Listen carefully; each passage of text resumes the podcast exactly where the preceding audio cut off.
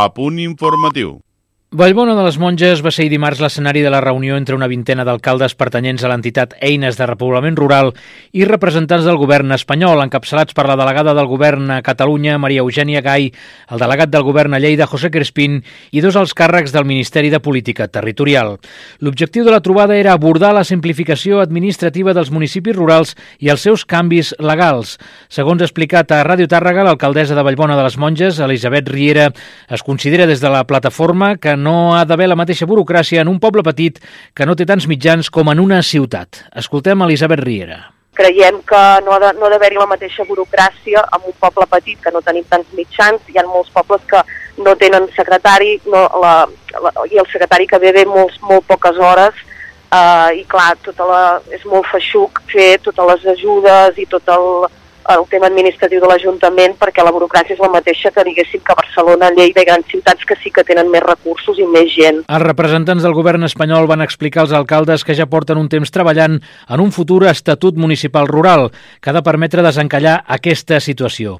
L'alcaldessa de Vallbona de les Monges valorava positivament la trobada d'ahir. Va ser positiva perquè es va crear una, una taula de, de diàleg molt propera i això també tant amb la, amb la banda del govern espanyol com nosaltres els alcaldes ho vam agrair perquè vam poder parlar i expressar-nos i tot bé, llavors també és positiu que ens diuen que ja s'està creant un, una, un, un esborrany del municipi rural, que ells ho saben tot això, però que la part negativa és que això s'ha de presentar, s'ha d'aprovar per llei, ara estan presentant els, perquè hi ha diferents ministeris que, que, té, que, que engloben aquest municipi Sí. rural, llavors se'ns està anant cap als ministeris per, per acabar d'acabar aquest esborrany de l'estatuto, però que, clar, ens diuen que ara com que venen eleccions, doncs això no saben, i el partit de l'oposició, que en aquest cas és el PP, doncs no saben com, com aniran les coses. Clar, nosaltres creiem que això és inverosímil, o sigui, el, el, realment el, el, el Congreso i el Congreso hi hauria d'haver-hi uh, una entesa de tots els partits Clar. polítics, perquè és que nosaltres som un grup som un lobby d'alcaldes, diguem així, que agrupem diferents uh, grups polítics perquè ens uneix Clar. el, el, no- els nostres municipis i, i ens uneix aquesta necessitat de reivindicar que, que s'equilibri el territori i que, i que tinguem els mateixos recursos. L'entitat Eines de Repoblament Rural és un lobby d'alcaldes i alcaldesses de Catalunya coordinat actualment per Jaume Gilabert i Torruella, alcalde de Montgai. Aquest lobby es va ser impulsat el juny de 2021 pels alcaldes de quatre municipis, Omar Noumri i Coca, alcalde de Castelló de Farfanya, Jaume Gilabert i Torruella, alcalde de Montgai, Joan Aroles i Samarra, alcalde de Puigverd de Gramunt, i Mario Urrea Marçal, alcalde de Torrebesses, de la província de Lleida, amb l'objectiu principal de posar en el centre del debat polític la ruralitat per tal de promoure l'equilibri i l'equitat territorial, la igualtat d'oportunitats i frenar el despoblament dels municipis rurals, que en l'actualitat representen el 63% dels municipis de Catalunya. Ho explicava Elisabet Riera. El que volem és que hi hagi un equilibri territorial perquè nosaltres ens estem morint. Mm. Cada cop ja la gent marxa més dels pobles i no, com que no hi ha recursos, doncs, eh, doncs hi ha un desequilibri territorial i ens estem morint. Llavors el que demanem nosaltres als alcaldes de diferents grups polítics és que s'aprovi aquest municipi rural. Uh, ja portem, ja s'han fet bastantes reunions amb, tant amb consellers de, de la Generalitat i aquest cop també amb, amb representants de, del govern espanyol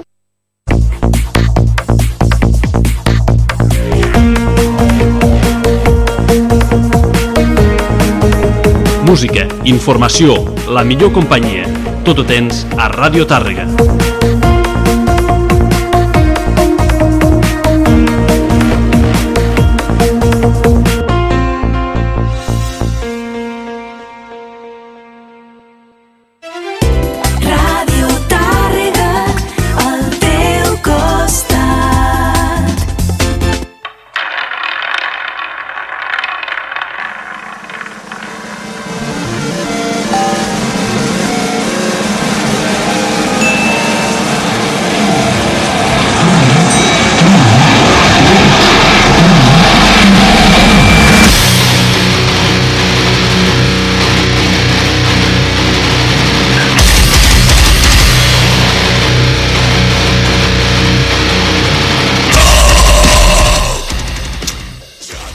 Bona nit, Valents i Valentes, comença l'Ovalades. I bueno, avui, per sorpresa, tenim aquí el senyor Jordi Rocaspana. Hola, bona nit a tothom. I bé, és, hem preparat un programa especial eh? Sí. que de quan, bueno, de quan ets adolescent i comences a escoltar qualsevol estil musical flipes amb els instrumentistes però ja que, siguin, ja que sigui el guitarrista, el baix, els teclats o bateria Mhm. però el vocalista aconseguirà que tot el conjunt t'agradi Home, sí, el vocalista és un, la jo part crec sempre... més visible Més visible, això mateix. No, tu, ara ho has dit molt bé, la part més visible.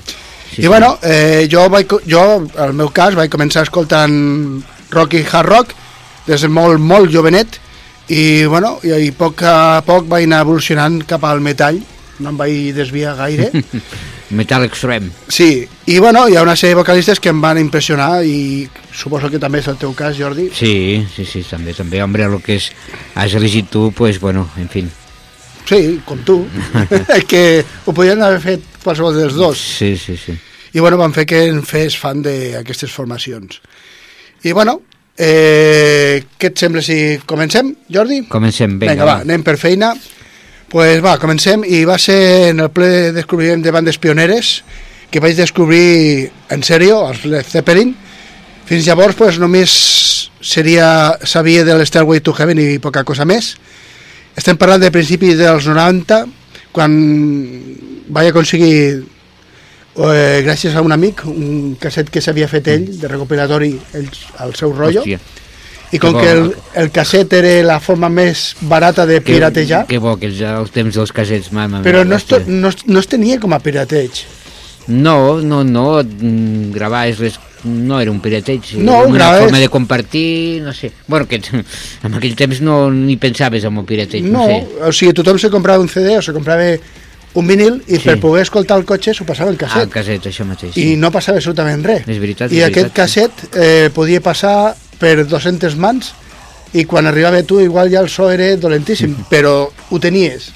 Eh, Jordi? Sí, sí, sí.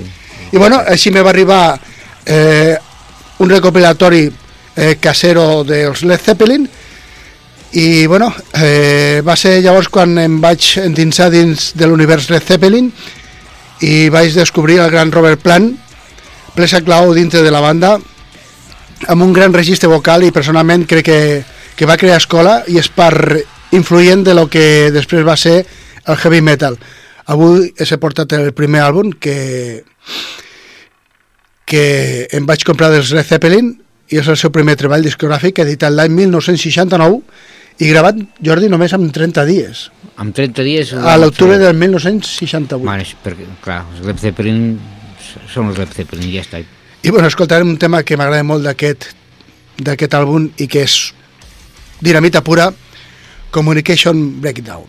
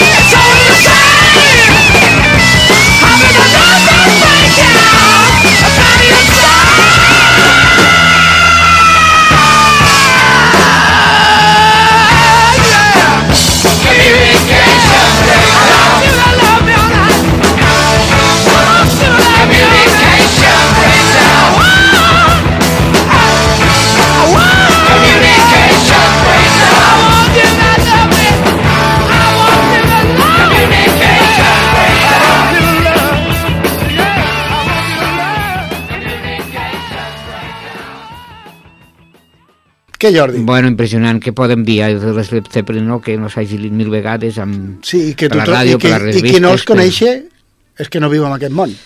Això mateix, o no li agrada el rock, jo que sé. Sí, Però sí. més, més aviat això, que enca, encara que no t'agrada el rock, sempre sent... Sempre si ha, algun, t'agrada la música, diguéssim, hi ha alguna cançó que t'agrada de ja Led Zeppelin. has sentit anomenar els Led Zeppelin, això Segur, segur. segur. segur. I vinga, va, aquesta banda va, ho va trinxar tot. Va, ho va també. trinxar tot i a mi em va influenciar molt els... quan era adolescent i va ser una de les primeres bandes que em va introduir potser al món del rock. Jo no sent...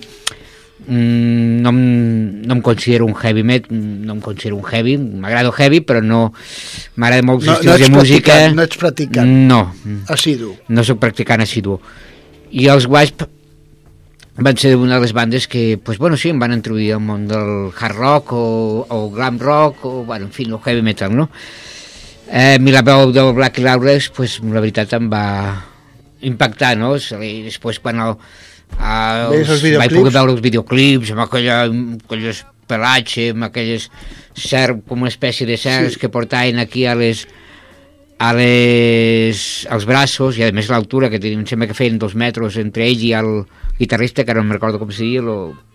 bueno, en fi, és igual eh, i bueno, un dels primers LPs que em vaig comprar va ser el de Last Command Uh -huh.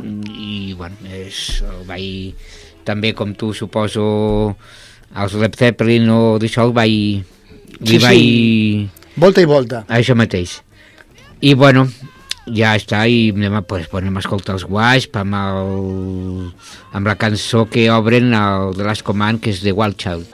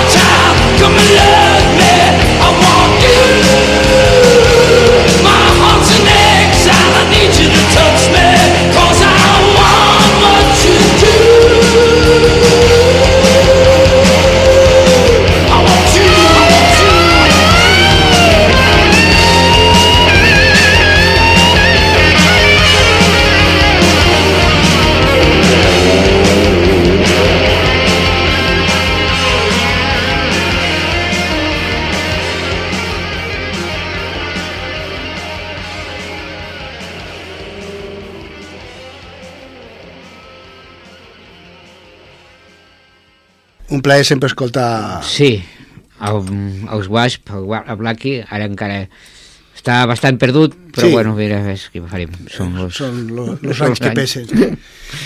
I bueno, eh, el 3 de desembre de 1948 va néixer John Mitchell Osborne, més conegut com Ozzy Osbourne. Ozzy Geze Balder formaven part de Rare Breed i a finals de 1967 es van unir a la banda Polka Tulk Blues amb el Yomi i el bateria Bill Ward. Van canviar de nom a Heart i com que tenien problemes amb el nom eh, perquè hi havia una altra banda que es deia Heart, el van decidir de canviar i el van rebatejar com a Black Sabbath. Després de l'edició del setè àlbum dels Black Sabbath, la banda va fer fora l'Ozzy, degut a les seves addiccions a la incapacitat per cantar i... o anar de gira. Perquè déu nhi Ai, Déu meu. Sí, pobre home, eh?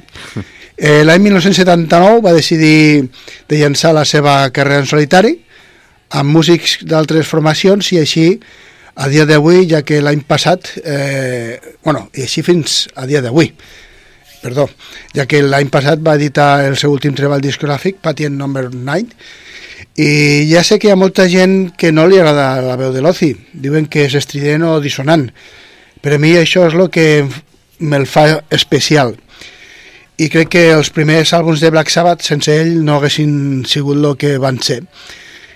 I bueno i avui us he portat el primer àlbum de la seva carrera en solitari de el Blizzard of Oz editat el 20 de setembre de 1980 i considerat un dels 100 millors àlbums de la història d'aquest gran d'aquest estil eh, i d'aquest gran àlbum que a mi em va deixar cap per avall escoltant el tema Mr. Crowley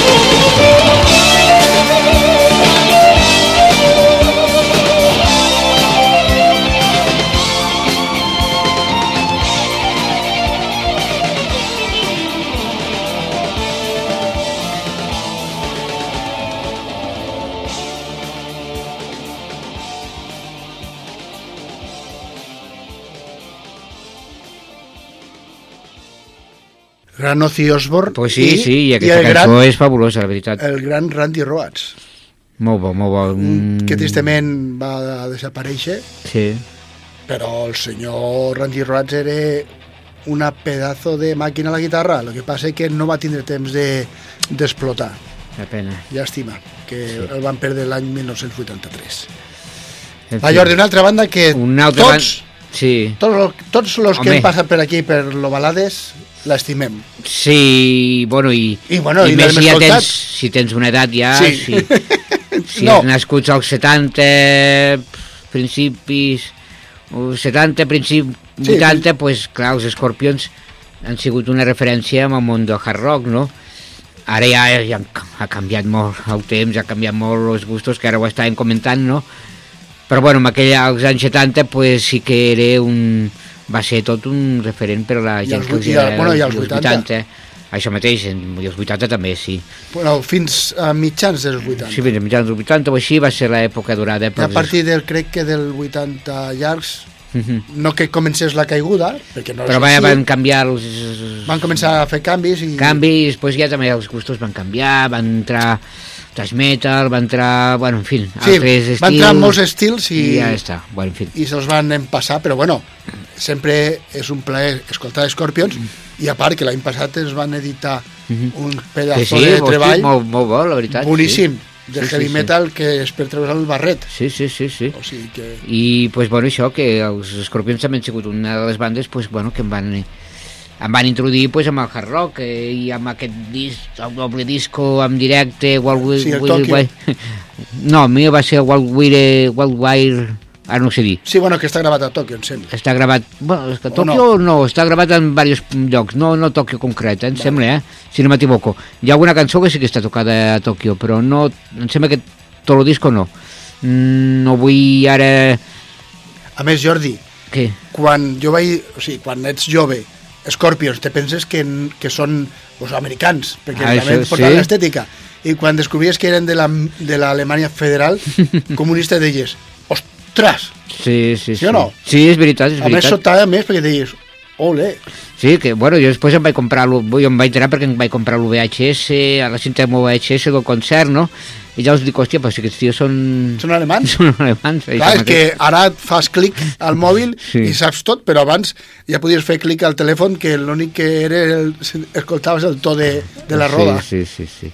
En fi, pues bueno, va, jo, si no això ja allargaria molt, anem a escoltar sí. els Scorpions amb una de les cançons bueno, que, que en aquest àlbum, que es diu No One Like You.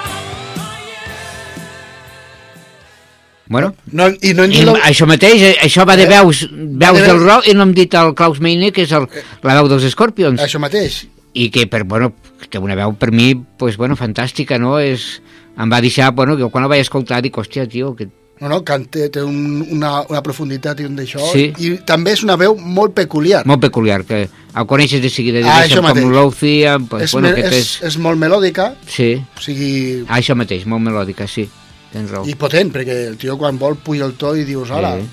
I de to ara, ara, ara en parlo jo. bueno, va, ara farem un petit canvi d'estil.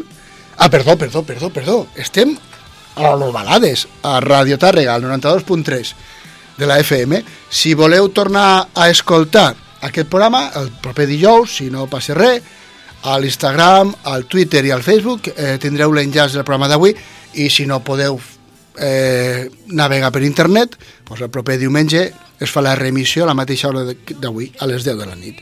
I ara sí, va. Eh, hem dit que canviem una mica d'estil, no ens movem d'Europa perquè acabem d'escoltar els Scorpions i ens anem, mira, a uns veïns eh, dels Scorpions, eh, ja que eh, l'any 1984 va néixer Halloween, els pares del power metal, Kai Hansen als inicis es feia càrrec de les veus i la guitarra, però després de l'edició de l'EP Halloween i l'àlbum Walls of Jericho, la banda va decidir buscar un vocalista, ja que, pues, ja que a Hansen patia molt a l'hora de defensar les composicions en directe, perquè tocar la guitarra solista i cantar jo crec que és una mica difícil. I l'escollit pues, va ser el senyor Michael Kiske, cantant d'una banda anomenada Three Prophecy, que llavors tenia només 18 anys, el que va vindre després és història. Eh, jo els vaig descobrir l'any 1990, amb, amb, amb 15 anyets acabats de complir, gràcies a un amic de l'Acadèmia d'Anglès on estudiava. Eh, va caure a les meves mans els dos keepers en format casset original, va ser començar Alive i vaig ser aduït i no podia creure el que estava escoltant que és que em semblava d'una altra, altra galàxia, no d'un altre planeta, d'una altra galàxia. Automàticament me va fer fan dels Halloween i del senyor Kiske, que fins ara encara hi continuo sent fan de Halloween i del senyor Kiske. I per sort tinc l'entrada pel concert que oferiran el Halloween al Sant Jordi's Club el proper 3 de febrer i sé que segurament viuré moltes emocions quan el Segur. senyor Kiske comenci a cantar les cançons de Halloween. I bé, no, anem a lo que anaven i no m'enrotllo més. Us he portat el Keeper of the Seven Keys Part 1, del qual escoltarem Twilight of the Goods.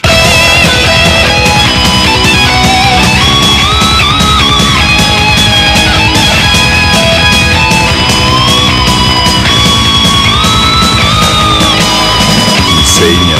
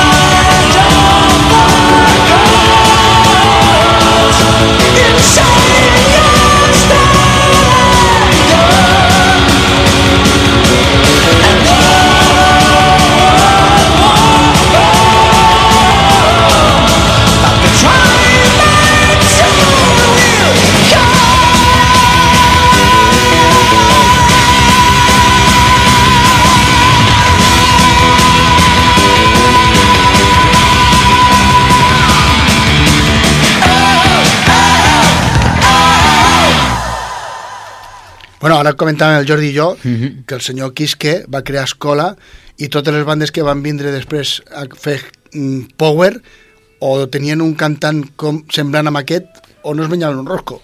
Sí, sí, sí, no, no, totalment. El Power va... El Sí, qui sí, sí. va crear totalment Escola, escola. com a vocalista de Sí. Power. De fet, Sí. encara avui, a dia d'avui hi ha moltes bandes que el cantant de Que encara d'una banda de Power sonar. volen, tenen que tindre veu potenta, si no, Sí, sí, així és, o si no, no, no, no es mengen un rosco. això mateix. Vinga, va, un altre que també... Bueno, ara que parlais del Kiss, que, que li agrada molt l'Elvis, Sí. pues ara també un que li agrada molt l'Elvis, que precisament el vaig descobrir per això, el, jo, bueno, soc un assidu en una revista, que no és, no és una revista de heavy, i fer una entrevista a un tal Dancing, i ficar en Evil, Evil Elvis, dic, aquest fantasma, qui és aquest fantasma? I no havia escoltat mai ni els Misfits ni ni Ni el Dancing. ni el Dancing, claro. Els Misfits bueno, van tindre èxit, des, mm, molta gent el van conèixer gràcies als Metallica. Això però, bueno, mateix. en fi, Això va vindre després. això va vindre després. Però bueno, ara estem amb el Dancing.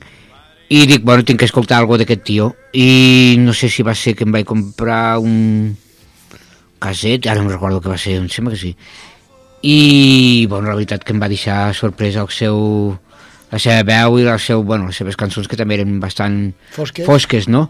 I després ja mm, per mm, l'ataque final va ser descobrir els Misfits, no? En fi, un, tot un personatge amb el món del punk i amb el món del heavy, Sí, cosa que poca gent ho pot dir, això, això i el Dancing sí. I, pues, bueno, anem a escoltar el Dancing amb una de les seves cançons més, si no la més emblemàtica, una de les cançons més emblemàtica que és Mother.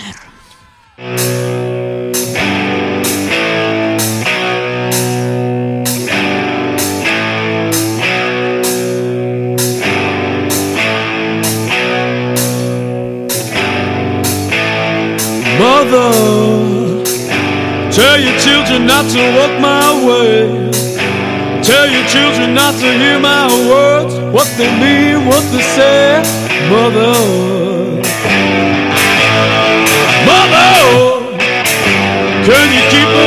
in the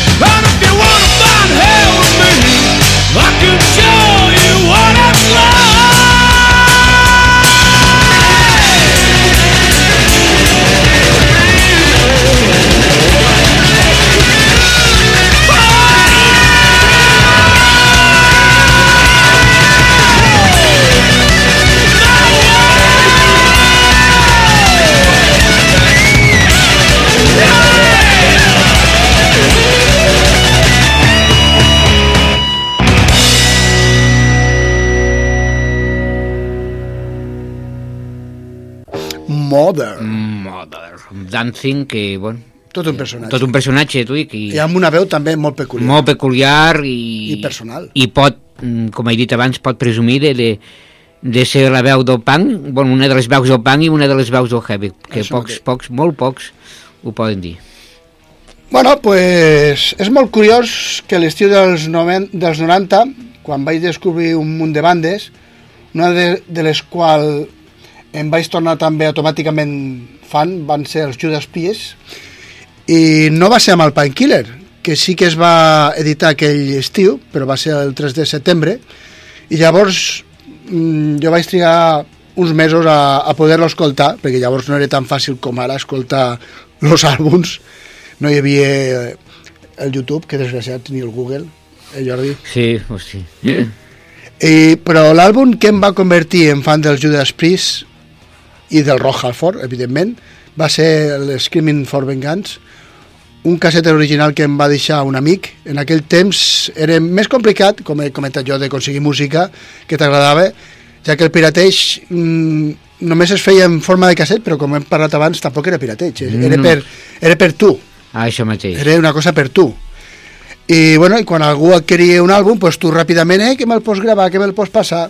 I era així, eh, les coses funcionaven així. Si tenies un amic que tenia pasta i comprava música, pues tu te'n podies treure profit.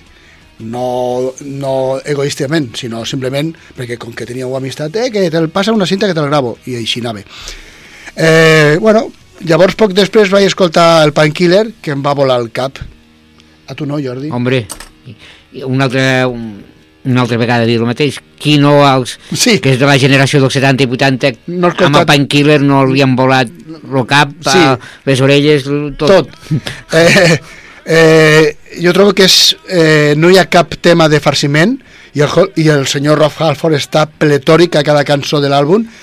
Jo recordo parlar amb els col·legues eh, sobre aquest àlbum i tots bavejàvem amb aquest àlbum, és veritat, és que és, que se'ns queia la bava. Mm. Eh, definitivament es van reinventar, reinventar, perdó, i van crear escola. Eh, pues llavors us he portat el Painkiller, però no escoltarem el Painkiller, escoltarem un tema que m'agrada més que el Painkiller, encara que no és tan potent, i el tema escollit és Nightcrawler. Nightcrawler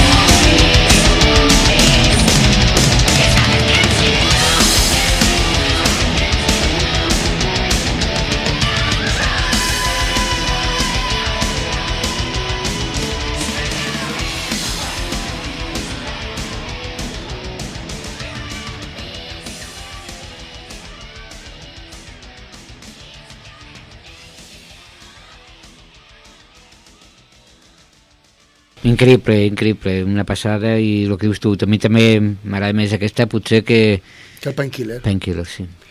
O sigui, és tremendo aquest àlbum. Tremendo. No, això mateix, tremendo tot l'àlbum, totes les cançons, és una passada.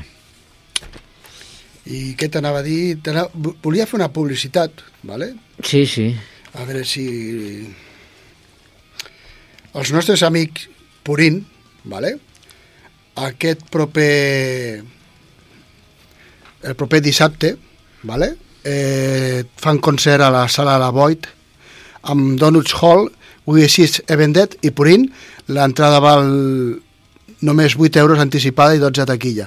O sigui que ja sabeu, si voleu concert guapo, perquè el- les bandes que venen són potentes, sí, aneu al, a la boata el dissabte, doncs ja ho sabeu, a la boat el dissabte. a veure Purín. Vinga, Jordi, que aquest és un clàssic, però... Un clàssic clàssic que no podia fallar, no? No podia faltar el senyor Ram Roni James Dio amb aquest programa especial de veus del, del rock, del heavy, del hard, de, de... en fi, no de és... tot. No podia fallar el. En, Eh, I això que ens han quedat alguns al tinter, sí, home, i tant, hosti, però farem una molts. cosa, Jordi, què et sembla si guardem la segona part? Ah, bueno, a mi Per un altre dia. A mi em sembla perfecte. Eh, perquè sí. n'ha quedat molts. Ens han quedat tu, molts. N'ha quedat moltíssims per... Molts, i no sols de cantants de, de veus de Golgorito i bona veu, sinó cantants que, com per exemple, trobo jo, el Phil Anselmo, de Pantera, Ah, bueno, sí, clar, també ha sigut una de les... també va ser un referent, un referent. El Max. Cavalera, de Bruce, Sepultura. Bruce Dickinson, Bruce Max Dickinson. Cavalera, Ca- Cavalera, el senyor Axel Rose, ah, hosti, tant, hosti, Eh? el senyor el, el Bon Scott, el Bon Scott, i... també el Brian Jones, per què no? també, també el, el, el Ian Gillan de, de Purple, també se'ns ha quedat por ahí.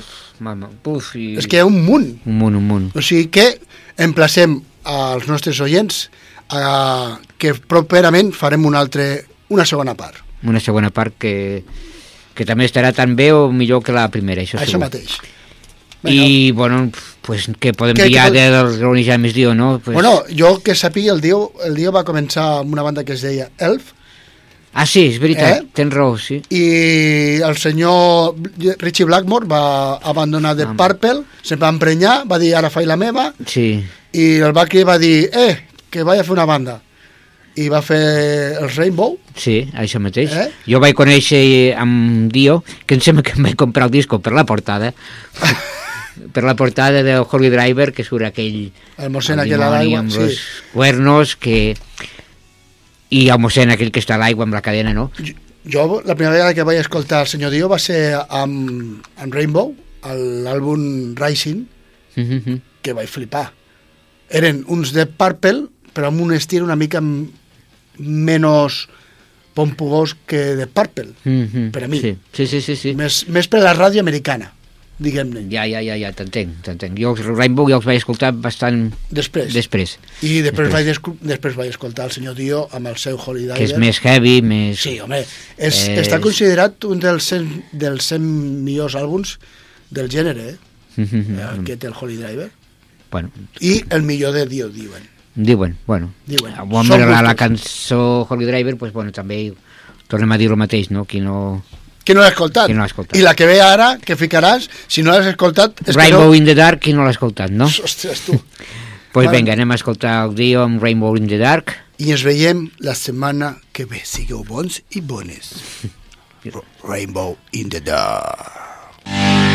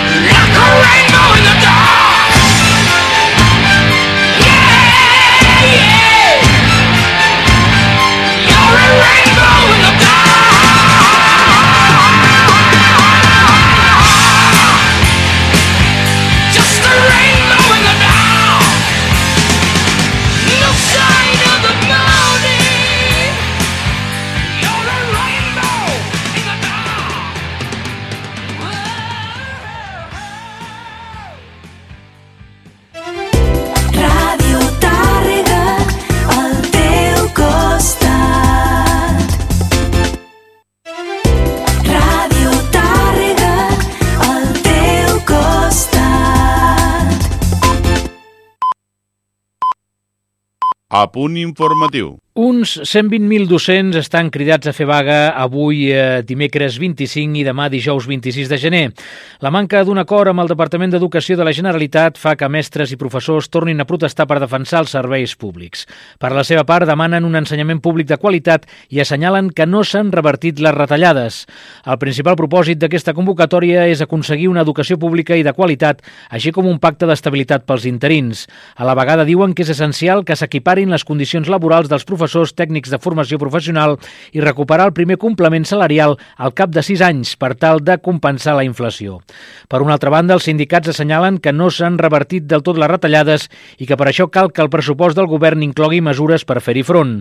Els docents també exigeixen que es negociïn les condicions a l'hora d'aplicar l'avançament de calendari escolar i la recuperació de la reducció de les dues hores lectives als professors més grans de 55 anys. Durant l'aturada d'aquest dimecres i dijous, la Generalitat ja ha fixat els serveis mínims en el sector educatiu. Han establert que haurà d'haver-hi un membre de l'equip directiu a cada centre, a les escoles Bressol, un membre del claustre i un professor per cada tres aules, des d'educació infantil fins a secundària. També hi haurà d'haver un 50% dels monitors de menjador, cuiners, servei d'acollida extraescolars i servei d'atenció als alumnes amb necessitats educatives especials. Per l'educació especial, de 3 a 16 anys, s'han fixat uns serveis mínims del 50% de la plantilla dels centres, el mateix percentatge que les escoles Bressol. El seguiment d'aquesta convocatòria de vaga d'avui i demà a Tàrrega de moment s'ha seguit de forma desigual en tots els centres educatius. Milers de sanitaris s'han manifestat aquest dimecres per reclamar millores professionals i salarials i més recursos per als serveis públics. Exigeixen més mesures per revertir definitivament les retallades fetes fa una dècada als serveis públics.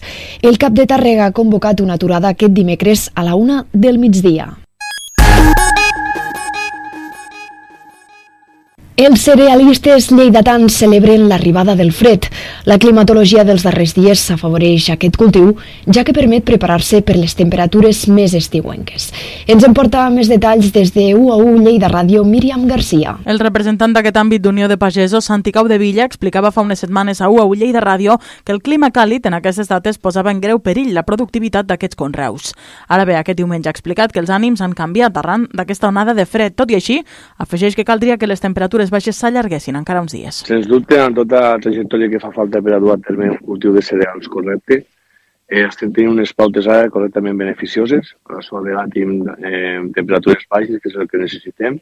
Tenim algo d'humitat i que nos aniria bé si tinguéssim uns 10-12 dies d'aquestes temperatures com a mínim per poder aconseguir un, eh, un desenvolupament de l'arrel de tots els cereals d'hivern correcte i així poder afrontar una primavera i un final de collita correcte per assolir una collita molt bona que prou necessitem.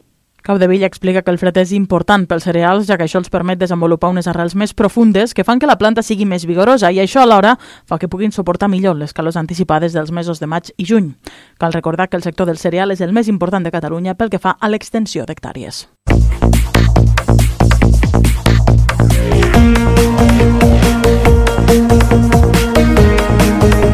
Música, informació, la millor companyia.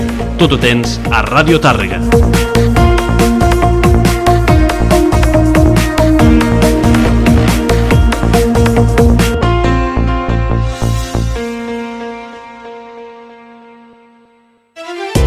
Ràdio Tàrrega, al teu costat. El teu aparador és Radio Tàrrega. T'imagines 8.000 persones mirant el teu aparador cada mes? El teu banner a la nostra web et farà visible. radiotàrrega.cat 88.000 usuaris i 421.000 pàgines visitades. Radio Tàrrega, el teu aparador.